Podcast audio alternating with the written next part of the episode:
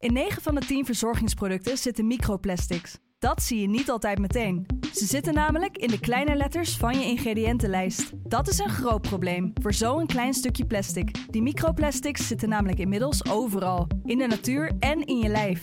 Gelukkig zijn er ook merken die gewoon microplasticvrij zijn. Want dat het anders kan, dat weten we bij Weleda, Lekker Company, Marcel's Green Soap, Naïef, Smaal en Witlof wel. Dus check de kleine letters. Die hebben de grootste impact. Hey, ik snap dat je je podcast wil luisteren, dus ik zal het kort houden. Want als jij het belangrijk vindt om duurzame keuzes te maken, kan ASR misschien helpen. Nou hoor ik je denken, hoe dan? Nou, bijvoorbeeld bij het duurzaam herstellen van schade. Of de premies die we beleggen volgens ons duurzaam beleggingsbeleid. Dat bepaalt waar we wel en juist niet in investeren. Wil je meer weten over welke duurzame keuzes ASR maakt? Ga dan naar asr.nl slash duurzame keuzes. ASR doet het. Zo, dan kan je nu lekker naar je podcast luisteren. De Pantelich podcast wordt mede mogelijk gemaakt door UdiBet.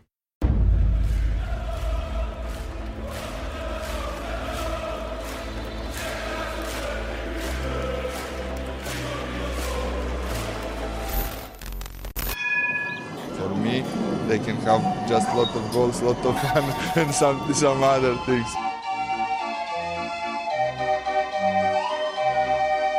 De Jong, slim gespeeld. Is dit de beslissing? Dit is de beslissing, denk ik. En de kleine Nouri mag het doen. En hij doet het. En ook hij zet dus zijn debuut. Luister mij. Wij zijn Ajax! Wij zijn Ajax! Wij zijn Ajax!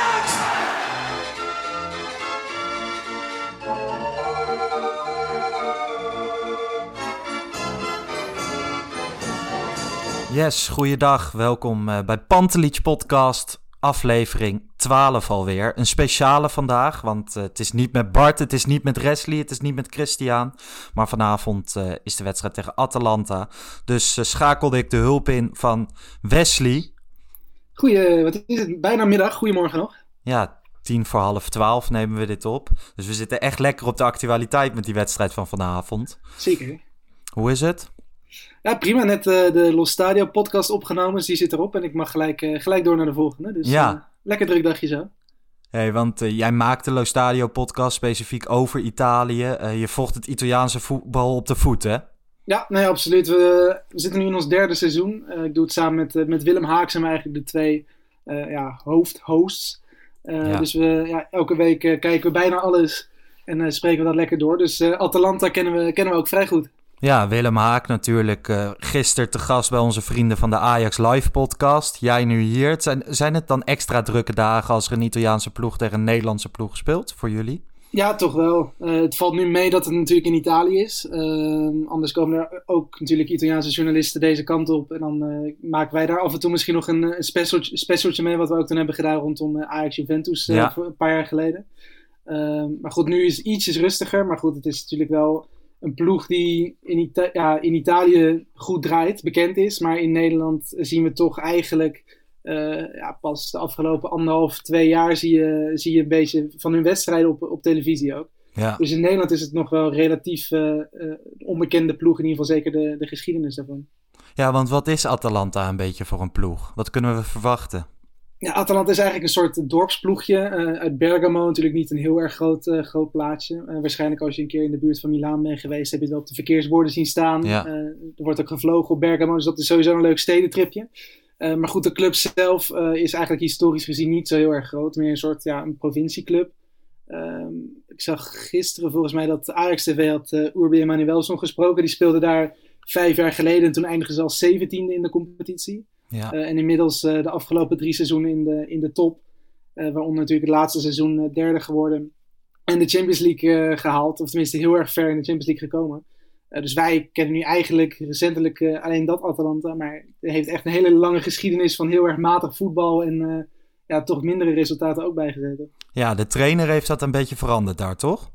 Ja, nee, Giampiero Gasperini is nu sinds een paar jaar ook wel de, de hoofdtrainer van Atalanta. En eigenlijk sinds zijn komst is het ja, echt wel een stabiele ploeg geworden. Um, en daarachter heb je de familie Percassi, dat zijn een beetje de eigenaars. Uh, en zij zijn ook heel erg ja, rustig, dus het is een ploeg die gewoon in heel rustig vaarwater zit. En in een chaotisch land als Italië, mogen we wel zeggen, is dat heel erg ja, is dat van onschatbare waarde. en natuurlijk ook de scouting is daar redelijk op orde, omdat die uit alle hoeken en gaten van Europa en, en de wereld halen die spelers die eigenlijk niemand kent of waar niemand echt heel erg veel vertrouwen in heeft van tevoren op de een of andere manier, als die bij Atalanta spelen, dan, dan werkt het. En tot nu toe gaat het dus heel erg goed met ze. Ja, want ze scouten ook regelmatig in Nederland. Ik bedoel, De Roon zit er, Hatenboer zit er. Nee, absoluut. Ze hebben, wat ik zeg, niet alleen in de Eredivisie dat ze kijken, maar ze hebben ook uh, jongens gehaald. Uh, Palomino, een Argentijn, die kwam van Ludo Gorets. En goed, dat zijn ploegen die we heel af en toe een keer uh, voorbij zien komen. Het schakelkanaal van de Europa League. Ja. Uh, maar goed, ja, zij blijken daar dus echt uh, ja, zo goed te scouten dat dat gewoon jongens zijn die binnen een paar seizoenen gewoon vaste basisspeler zijn. Ja. En het is natuurlijk voor ons extra mooi dat uh, de Nederlandse Eredivisie ook niet wordt vergeten met, met Hatenboer, de Roon Goosens, die natuurlijk ook bij, onder bij Dordrecht en Heracles heeft gezeten. Dus ja, dat zijn wel echt mooie dingen ook voor een toch relatief intussen grote, grote club in Italië eigenlijk. Hey, als je kijkt naar het seizoen tot dusver voor Atalanta, dan heb je um ze wonnen natuurlijk in de Champions League met 4-0 van Midtjylland. Maar de afgelopen twee competitiewedstrijden hebben ze verloren. Hè? Ja, nee, klopt. Uh, het is nog een beetje wisselvallig. Maar ik denk ook dat dat wel te maken heeft met het belang wat ze inmiddels zijn gaan hechten aan het Europese voetbal. Ja. Uh, natuurlijk ook een seizoen waarin vanwege de hele coronacrisis de, de schulden, de verliezen op zullen lopen. Dus als je natuurlijk Champions League voetbal speelt, is dat ook een mooie manier om die, uh, die gaten een beetje te dichten. en dat zag je eigenlijk afgelopen week, natuurlijk na die zegen op Midtjylland. En nu dat, uh, dat Ajax er aankomt, dat ze nu in de tussenliggende wedstrijd uh, tegen Sampdoria, in, ook in eigen stadion, dan toch niet met de A-ploeg spelen. Dus ze hebben eigenlijk na nou, 4,5 basisspelers zat, zat op de bank.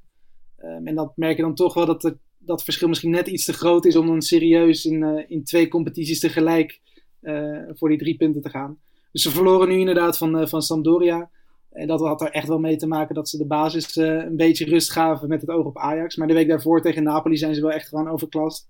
En, ja. uh, maar dat is denk ik ook geen schande, omdat Napoli misschien wel de best draaiende ploeg is op dit moment in, uh, in Italië. Hey, je benoemde net even kort het stadion. Het stadion is wel speciaal, toch? Want vanavond spelen ze voor het eerst in eigen stadion Champions League. Ja, nee, dat klopt. Het is het, officieel heet het Stadio Atleti d'Azzurri. Uh, dat is eigenlijk een heel oud stadion. Uh, en daardoor kon het dus vorig seizoen eigenlijk niet uh, daar worden gespeeld. ze zijn natuurlijk allemaal zowel in, op Europe Europees niveau als in, op de Serie A zelf moeten stadions aan bepaalde eisen voldoen. En meestal heeft het eigenlijk vooral te maken met infrastructuur en de bereikbaarheid daarvan voor de fans. Ja. Um, en het stadion van Atalanta stond ook al heel lang in de plannen om dat een beetje te gaan ja, pimpen, een beetje te updaten. Um, dus ze hebben nu intussen hebben ze, dat, hebben ze dat gedaan. Dus vorig seizoen kon het nog niet in, uh, uh, in het Gewies Stadium, zoals het nu heet. En Ja. toen speelden ze in, in San Siro in, in Milaan. Maar intussen mogen ze dus wel gewoon in het eigen stadion. Het is heel mooi geworden. Het is een beetje een combinatie tussen het oude, de, ja, de oude betonnen bak uit Italië en een modern tintje zit erop. Oké. Okay. Hey, ook het nieuws uh, bereikt ons dat Martin de Roon uh, geblesseerd is, doet niet mee. En dan zie je ook op social media wat, of, uh, wat reacties van yes, de Roon doet niet mee, maar ook van oh, dat is alleen maar een nadeel voor ons, want hij bakt er niet zoveel van. En dat is dan gerefereerd aan het Nederlands elftal. Ja. Hoe belangrijk is Martin de Roon voor Atalanta? Nou, hij is wel echt heel erg belangrijk. En ik snap ook wel dat als jij het Nederlands elftal ziet en je ziet dan de Roon en Hatenboer die er toch ja, misschien een klein beetje uh, ja, tegenvallen. Zeker in vergelijking wat je van ze verwacht op basis van hun, uh, hun oproep. Uh, kan ik wel begrijpen dat sommige Ajaxiden denken van nou het is fijn dat hij er, uh, fijn dat hij er of tenminste jammer dat hij er niet bij is. Ja. maar hij is voor, eigenlijk voor Atalanta is hij echt van onschatbare waarde. Omdat hij juist de bewaker is in dat toch redelijk aanvallende voetbal. Uh, ze spelen natuurlijk met twee gigantisch aanvallende backs met Hatenboer en Gozens. Uh, normaal gesproken Ja. zullen die uh, vanavond spelen. Uh, en de Roon is dan eigenlijk een beetje de bewaker op het middenveld. Dat- Dat als een van die backs of allebei ja, voorop lopen. En er wordt gecounterd, dan is de Roon degene die de, eigenlijk als eerste de, die aanval eruit haalt. En dat, dat kan heel goed. En het probleem nu bij Atalanta is wel een beetje dat ze geen één op één vervanging voor hem hebben. Hij is eigenlijk de enige echte verdedigende middenvelder die ze in de selectie hebben. Ja, want afgelopen weekend er kwam voor, to- toch die uh, Malinovski of zo. Ja, maar dat is echt een meer een aanvallende Ja. speler, een Oekraïner. Uh, een geweldige afstandsschot. Dus als die speelt, moet je in ieder geval zorgen dat hij niet voor ze, op zijn linker kan draaien. Uh, maar ja, de verwachting is een beetje dat Remo Freuler, een Zwitserse jongen, zit er ook al een paar jaar. dat hij zijn plek over gaat nemen samen met, met Pasalic. maar dat zijn wel eigenlijk iets meer ja, centrale middenvelders in plaats van verdedigende middenvelders. Ja. Ehm, dus het geeft wellicht iets meer ruimte net tussen, die, tussen die linies verdediging en middenveld waar Ajax dan ja, in zou moeten duiken. En dan kan er echt wel iets, iets gecreëerd worden, denk ik. Oké. Hey, afgelopen weekend 13-0 Ajax bij VVV. Hoe is daarop gereageerd in de Italiaanse media? Ja, best wel flink. Uh, ik denk dat we allemaal ook de berichten hebben in de koppen voorbij hebben zien komen uit Duitsland, Spanje, Italië. Uh, de Gazzetta die kopte Occhio Atalanta e un Ajax esagerato. Oftewel, pas op Atalanta, Ajax is aan het overdrijven. Uh, 13-0 in Venlo natuurlijk, een record alle tijden. En dat geeft natuurlijk ook wel iets, iets aan. dat, dat Ajax wel redelijk in vorm is, maar aan de andere kant... Ja, in, in, in, Italië wordt de Eredivisie niet gezien natuurlijk als een topcompetitie. En dat, dat lijkt me ook wel logisch. Maar als je 13-0 wint, is zegt dat denk ik genoeg. Ja. En uh, vooral Lassina Traoré is natuurlijk uh, goed uitgelicht. Je hebt in Italië heb je altijd een heel mooi woord wat, ze, wat ze gebruiken voor jonge spelers. Dat is baby. Niet echt een Italiaans woord, maar het wordt in ieder geval in Italië altijd gebruikt. Ja. dus er wordt hier inderdaad gesproken over baby Lassina Traoré die in 2001 is uh, geboren in Burkina Faso. En vijf goals en drie assists in één wedstrijd levert. En uh, ja, ze verwachten vooral van hem uh, heel veel. Dus ik weet niet of hij natuurlijk gaat spelen vanavond. nee. Maar de angst voor Lassina Traoré is in ieder geval wel redelijk aanwezig inmiddels. Oké, hey, als je, want als je kijkt naar beide speelstijlen, dan willen ze allebei, allebei de ploegen willen voetballen. Um, maar als jij dan kijkt naar Atalanta en de verdediging, en hoe zou jij dan spelen als een Ajax zijnde? Met een Tadic in de spits of een Traoré juist? Uh, ik denk dat het belangrijkste is uh, dat je juist centraal weet uh, ja, komt te spelen. Um, wat ik zeg, Goos en zijn Hatenboer die waarschijnlijk dus zullen starten op de backs, die komen eigenlijk alleen maar naar voren. Dus je zou in ieder geval ja, eigenlijk twee spelers al op moeten offeren aan de zijkanten om, om die tweede uit te halen, om hen tegen te houden. Ja. Dus ja, het lijkt me dan niet handig om echt met pure buitenspelers zeg maar te spelen, omdat die vaak toch net even iets minder meelopen. Dus je zou nog bijna eerder kunnen zeggen dat je op de plek van Anthony bijvoorbeeld een Sean Kleiber, al is het misschien een beetje vloeken in de kerk, maar gewoon iemand hebt die de hele wedstrijd eigenlijk achter Gozes aanrent. en als je juist dan de meer technische jongens op dat middenveld zet, waar de Roon dus niet kan breken. Um, en het, ja, Tadic in de spits lijkt me denk ik een, eh, een uitstekende optie. Maar wat je afgelopen weekend zag bij Sampdoria, die speelde in een soort 4-4-2. Uh, eh, Ajax volgens mij tegen Liverpool was dat ook een beetje het, eh, het idee met Kudus voordat hij eraf ging. Mm -hmm. uh, maar ik denk dat dat op zich wel een, een logische oplossing is. je moet dus gewoon zorgen dat die buitenkanten, dus de backs, worden gestopt. En dan heb je in het midden best wel veel ruimte. En het belangrijkste daarbij is denk ik dat je gewoon technische spelers een beetje centraal hebt. ten eerste dus omdat de niet is. En ten tweede omdat eigenlijk het ja, centrale trio, als je het zo mag noemen, uh, van Atalanta toch vrij statische uh, jongens zijn met een flinke draaicirkel. Ja. Um, dus als je daar inderdaad een technische jongen tussen kan zetten, dus bijvoorbeeld een Anthony, als je die wat meer centraal zou zetten, dan denk ik dat je daar best wel wat mogelijkheden, mogelijkheden kan creëren. Maar dat zou wel betekenen dat Ajax, het grote Ajax tussen haakjes, zich volledig aanpast aan de speelstijl van Atalanta. Terwijl je als Ajax toch zou zeggen van, ja, zou dat niet andersom moeten zijn? Nou, dat zou andersom moeten zijn. Alleen dat heb je Gasperini, dan uh, ken je die niet goed. Dat is inderdaad wel echt een trainer die eigenlijk altijd uitgaat van zijn eigen kracht. Ja. En je hebt eigenlijk vorig seizoen gezien natuurlijk, uh, eigenlijk het tweede jaar op rij dat ze echt hoge ogen gooiden. En dat steeds meer ploegen zich aan gingen passen aan Atalanta in plaats van andersom. Uh, en daarbij is Atalanta inderdaad dan de ploeg die van eigen kracht uitgaat. en ja, als, als ze dat doen, dan, dan, dan werkt dat heel goed. Dus je moet ook echt wel als tegenstander er iets tegen doen om vooral die backs uit te halen. En ja, het snelle spel op het middenveld en voorin tegen te gaan. Ja, want als je um, naar de Nederlandse media kijkt, een beetje de traditionele media, als je Veronica en Site hoort bijvoorbeeld, Valentijn Dries en Johan Derksen zeiden allebei dat Ajax dit vrij simpel moet winnen. Dat is niet het geval, hè? Nee, dat lijkt me absoluut niet het geval. Ik denk dat Atalanta een van de meest stabiele ploegen is van Italië. Um, dit seizoen dan voorlopig in de Serie A twee wedstrijden op rij verloren. Dus dat vertekent de boel misschien een beetje. Uh, maar ik denk dat kwalitatief doen ze echt niet, uh, niet heel veel onder voor Ajax. Uh, zeker in aanvallend opzicht. Um, en het is natuurlijk ook gewoon echt een doelpuntenmachine. Hè? Het is, ik bedoel, volgens mij heeft alleen Bayern München in 2020 meer doelpunten gemaakt dan Atalanta in alle competities. Ja. als je naar de grote vijf competities kijkt. Dus ik denk dat dat, dat, dat zegt natuurlijk ook gewoon genoeg. En ik bedoel, zij hebben natuurlijk ook de halve finale van de Champions League gehaald. Um, kwartfinale, de kwartfinale van de Champions League, inderdaad. Dus dat, ja, ik bedoel dat, uh, ik denk dat het echt wel terecht is om een klein beetje bang te zijn voor, uh, voor Atalanta. Ja, is het niet zo dat als je bijvoorbeeld uh, bij ons op de redactie van FC Afkikken kijkt, dan worden dat soort ploegen vaak aangehaald. Atalanta bij Veronica Insight downplayen ze het juist. Dat het ene deel van Nederland ze een beetje onderschat of flink onderschat, maar dat er ook een deel is dat ze een klein beetje overschat zelfs. Ja, ik denk dat voor beide kanten wel iets te zeggen is. Ik denk als jij ja, sowieso ploegen vaker aan het werk ziet, kun je dus een betere mening op baseren. Waarbij ik het gevoel heb dat er bij afkikken iets vaker uh, ook naar dit soort teams wordt gekeken dan bij Veronica en Zijt en als uh, types als Valentijn Driessen en, uh, en zo. Maar goed, ja, je, je, moet ze natuurlijk ook niet heel veel groter maken dan, dan ze zijn. Het is geen ploeg die de Scudetto kan winnen, die kampioen kan worden in Italië op dit moment.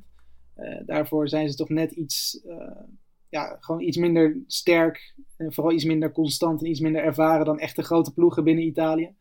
Uh, maar ik denk dat het zeker een ploeg is die gewoon hele hoge ogen kan gooien. Ook in Europa, wat ze natuurlijk de het afgelopen seizoen hebben gedaan. En dat het wel echt een team is wat heel veel. Uh, ja, wat, echt kans kan maken om ook grote ploegen uit te schakelen. Want eigenlijk ook tegen Paris Saint-Germain vorig seizoen zijn ze echt pas in de slotfase, maar echt de absolute slotfase zijn ze toen uh, uitgeschakeld. Maar voor hetzelfde geld kwalificeerden ze zich gewoon voor de halve finale. En dan had ik het ook nog maar moeten zien. Ja, oké. Hey, um, wie zijn eigenlijk een beetje de spelers waar we op moeten letten bij Atalanta? Uh, eentje die sowieso in de basis gaat beginnen is uh, Alejandro Gomez, Papu. Ja. Um, heel klein mannetje. Uh, voor mijn gevoel is die 1,40 meter, zal iets langer zijn. dat is de aanvoerder, een Argentijnse jongen. speelde vroeger ook voor Catania. In, in Oekraïne heeft hij ook gezeten. Maar intussen is hij al een uh, heel uh, flink aantal seizoenen is die, uh, speler van Atalanta. En dat is echt een beetje de, ja, de draaischijf. Via, via hem gaat bijna alles. Het is een soort nummer 10, maar hij duikt eigenlijk overal op in de aanval. en je moet eigenlijk bij hem ook vooral zorgen dat, ja, dat hij niet van afstand kan schieten. Want als hij een klein beetje ruimte heeft, dan dribbelt hij en dan schiet hij met, met rechts of met links. Want hij is nou, zo goed als twee benen, schiet hij die ballen de kruising in. Hij heeft volgens mij dit seizoen in alle competities ook al drie of vier keer gescoord van afstand. Dat is ook het meeste van alle spelers. Uh, dus dat is wel een speler waar je echt op, uh, op moet gaan letten. Want hij heeft echt praktisch alles. Afstandsschot, uh, dieptepaasjes, inzicht. Hij is snel en behendig in de dribbel. En het is ook gewoon een hele sluwe speler. Dus op momenten dat je denkt dat je, dat je van hem af bent, dan duikt hij toch nog ergens op. Ja. En dat is denk ik dan wel de, de speler waar het meest op, op moet worden gelet uh, vanavond. Ja, want dat is wel opvallend. Want als je het over Atalanta hebt, heb je het altijd over de, of tenminste veelal over de opkomende backs. Hatenboer en Goosens. Maar ze zijn in het midden net zo gevaarlijk. Want ze hebben ook een gevaarlijke spits in Zapata. Ja. Dus uh, eigenlijk zit het gevaar overal. Het gevaar zit, uh, zit in die zin overal. maar moet, moet wel gezegd worden, het is inderdaad de, het creëren van de kansen komt echt puur van de vleugels en eigenlijk vanuit, uh, vanuit Papu. Dus als je kan zorgen dat je op die drie plekken, of in ieder geval twee van de drie per keer, zeg maar per kant, als je dat kunt uh, ja, goed, door middel van goed dekken, goed meelopen. Uh, en als je dan die voorzet of die pasen uit kan halen, dan zijn natuurlijk ook die spitsen veel moeilijker aan te, aan te spelen. Ja. maar goed, het is inderdaad wel de angst als er inderdaad wordt, door, wordt doorgezet dan moet, je, dan moet je goed oppassen. En daarbij is het ook belangrijk dat beide backs uh, goed meedoen. Uh, want we hebben dit seizoen al een paar keer gezien dat Hatenboer vanaf rechts de bal voorslingert. En dat uh, Goossens bij de tweede paal links komt inlopen of andersom. Ja. dus dat zijn ook ballen waar je op moet letten. En dan hebben we de spitsen nog niet eens besproken inderdaad. Oké. Okay. Hey, er wordt een open wedstrijd verwacht. Twee voetballende teams, veel doelpunten. waaronder door mezelf. Verwacht jij dat ook? ja, ik denk dat dat wel een logische verwachting is. Uh, Ajax nu 13-0. Uh, zijn natuurlijk ook gewoon een ploeg die ja, graag aanvalt, uh, veel ja, offensief denkt. En bij Atalanta is het natuurlijk eigenlijk gewoon precies hetzelfde. Dus ik denk dat iedereen wel veel doelpunten verwacht. Het zou een beetje lullig zijn als het nu een hele bloedeloze 0-0 wordt. maar daar ga ik eigenlijk niet van uit. Dus ik verwacht toch wel een doelpuntje of, of vier minimaal eigenlijk. Ja, oké. Ik denk, uh, ja, voor mezelf gesproken, denk ik 2-2. Ik denk dat Ajax ook blij mag zijn als het uh, met een punt vertrekt. Wat denk jij? Nou, ik heb uh, vanochtend in de Los Stadio podcast ook 2-2 gezegd. Kijk. Dus ik ga me daar ook gewoon netjes aan houden, denk ik.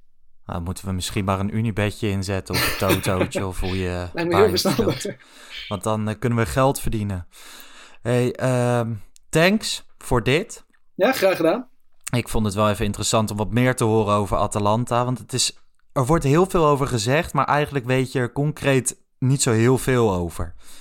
Maar we kunnen dus wel concluderen, een, uh, een provincieclub, het Herenveen van Italië, dat het uh, buitengewoon goed doet. Ja, eigenlijk wel. Alleen er zit wel nu steeds meer groei in. Dus het begint intussen wel langzaam van Herenveen naar AZ te gaan, zeg maar, qua niveau. Um, en het is, ja, het is ook gewoon echt een hele mooie club als je, als je de verhalen hoort en, uh, en erover leest. Uh, een warme club. Uh, alle spelers zitten daar ja, zitten heel erg op hun gemak. De Ron is natuurlijk al teruggekeerd. Is natuurlijk even een uitstapje naar Engeland gemaakt. maar wilde ook dolgraag weer terug. En er wordt ook gewoon heel goed gescout. En ook vanaf jongs af aan. Jeugdopleiding is misschien wel een van de beste van Italië. al dan niet de beste. En het mooie is ook dat bijvoorbeeld in de regio waar ze zitten Waar dus ook ploegen als uh, Milan en Inter een beetje uit dezelfde vijvers moeten vissen. Zorgt ja. Atalanta ervoor dat iedere, uh, ja, iedereen in die provincie uh, een shirtje van Atalanta thuis gestuurd krijgt op het moment dat, dat er een baby ja, wordt joh. geboren. Dus ieder klein kind, eigenlijk ongeveer de eerste foto inkleding is vaak in een Atalanta shirtje. Wat dus cool. dat helpt natuurlijk ook een beetje mee met ja, ja, de, de band met, met de club en de, de binding met de fans die je op die manier creëert. Ja. En zo proberen ze dus ook vooral op uh, ja, jonge leeftijd al een beetje de spelers voor de neus van de echt grote ploegen uit die, uit die regio, Milan en Inter, uh, weg te kapen. Um, dus dat is natuurlijk ook wel mooie achtergrondverhalen over een uh, ja, hele mooie club. Ja, nou ja, thanks voor dit, voor deze korte voorbeschouwing. Voor de luisteraar ehm, dit was natuurlijk een klein beetje een probeersel van even inzoomen op de tegenstander op de wedstrijddag zelf. Ik weet niet of we dit altijd gaan doen of... ja, we moeten even kijken. Ik ben benieuwd wie de Deense expert is voor Midtjylland. Ja, dat, dat zit ik me nu ook te bedenken. Van, oh, wie gaan we daarvoor optrommelen? Want je denkt natuurlijk uh, van de vaart. Maar ik denk niet dat die happig is op uh, podcast op dit moment. Die zit natuurlijk bij allerlei televisieprogramma's. Um, ja, het is een probeersel. Laat vooral even weten wat je ervan vindt. Het kan uh, door een recensie achter te laten op Apple Podcast of een tweet te sturen naar app Podcast of Instagram app Podcast. Leuk om te zeggen is dat we vanavond uh, zowel in de rust als na de wedstrijd eventjes live gaan op Twitter. Bart Sanders uh, samen met mij. Dus we hopen jullie dan weer daar te zien. Voor nu een hele fijne dag en een goede wedstrijd vanavond. Veel plezier. Ciao.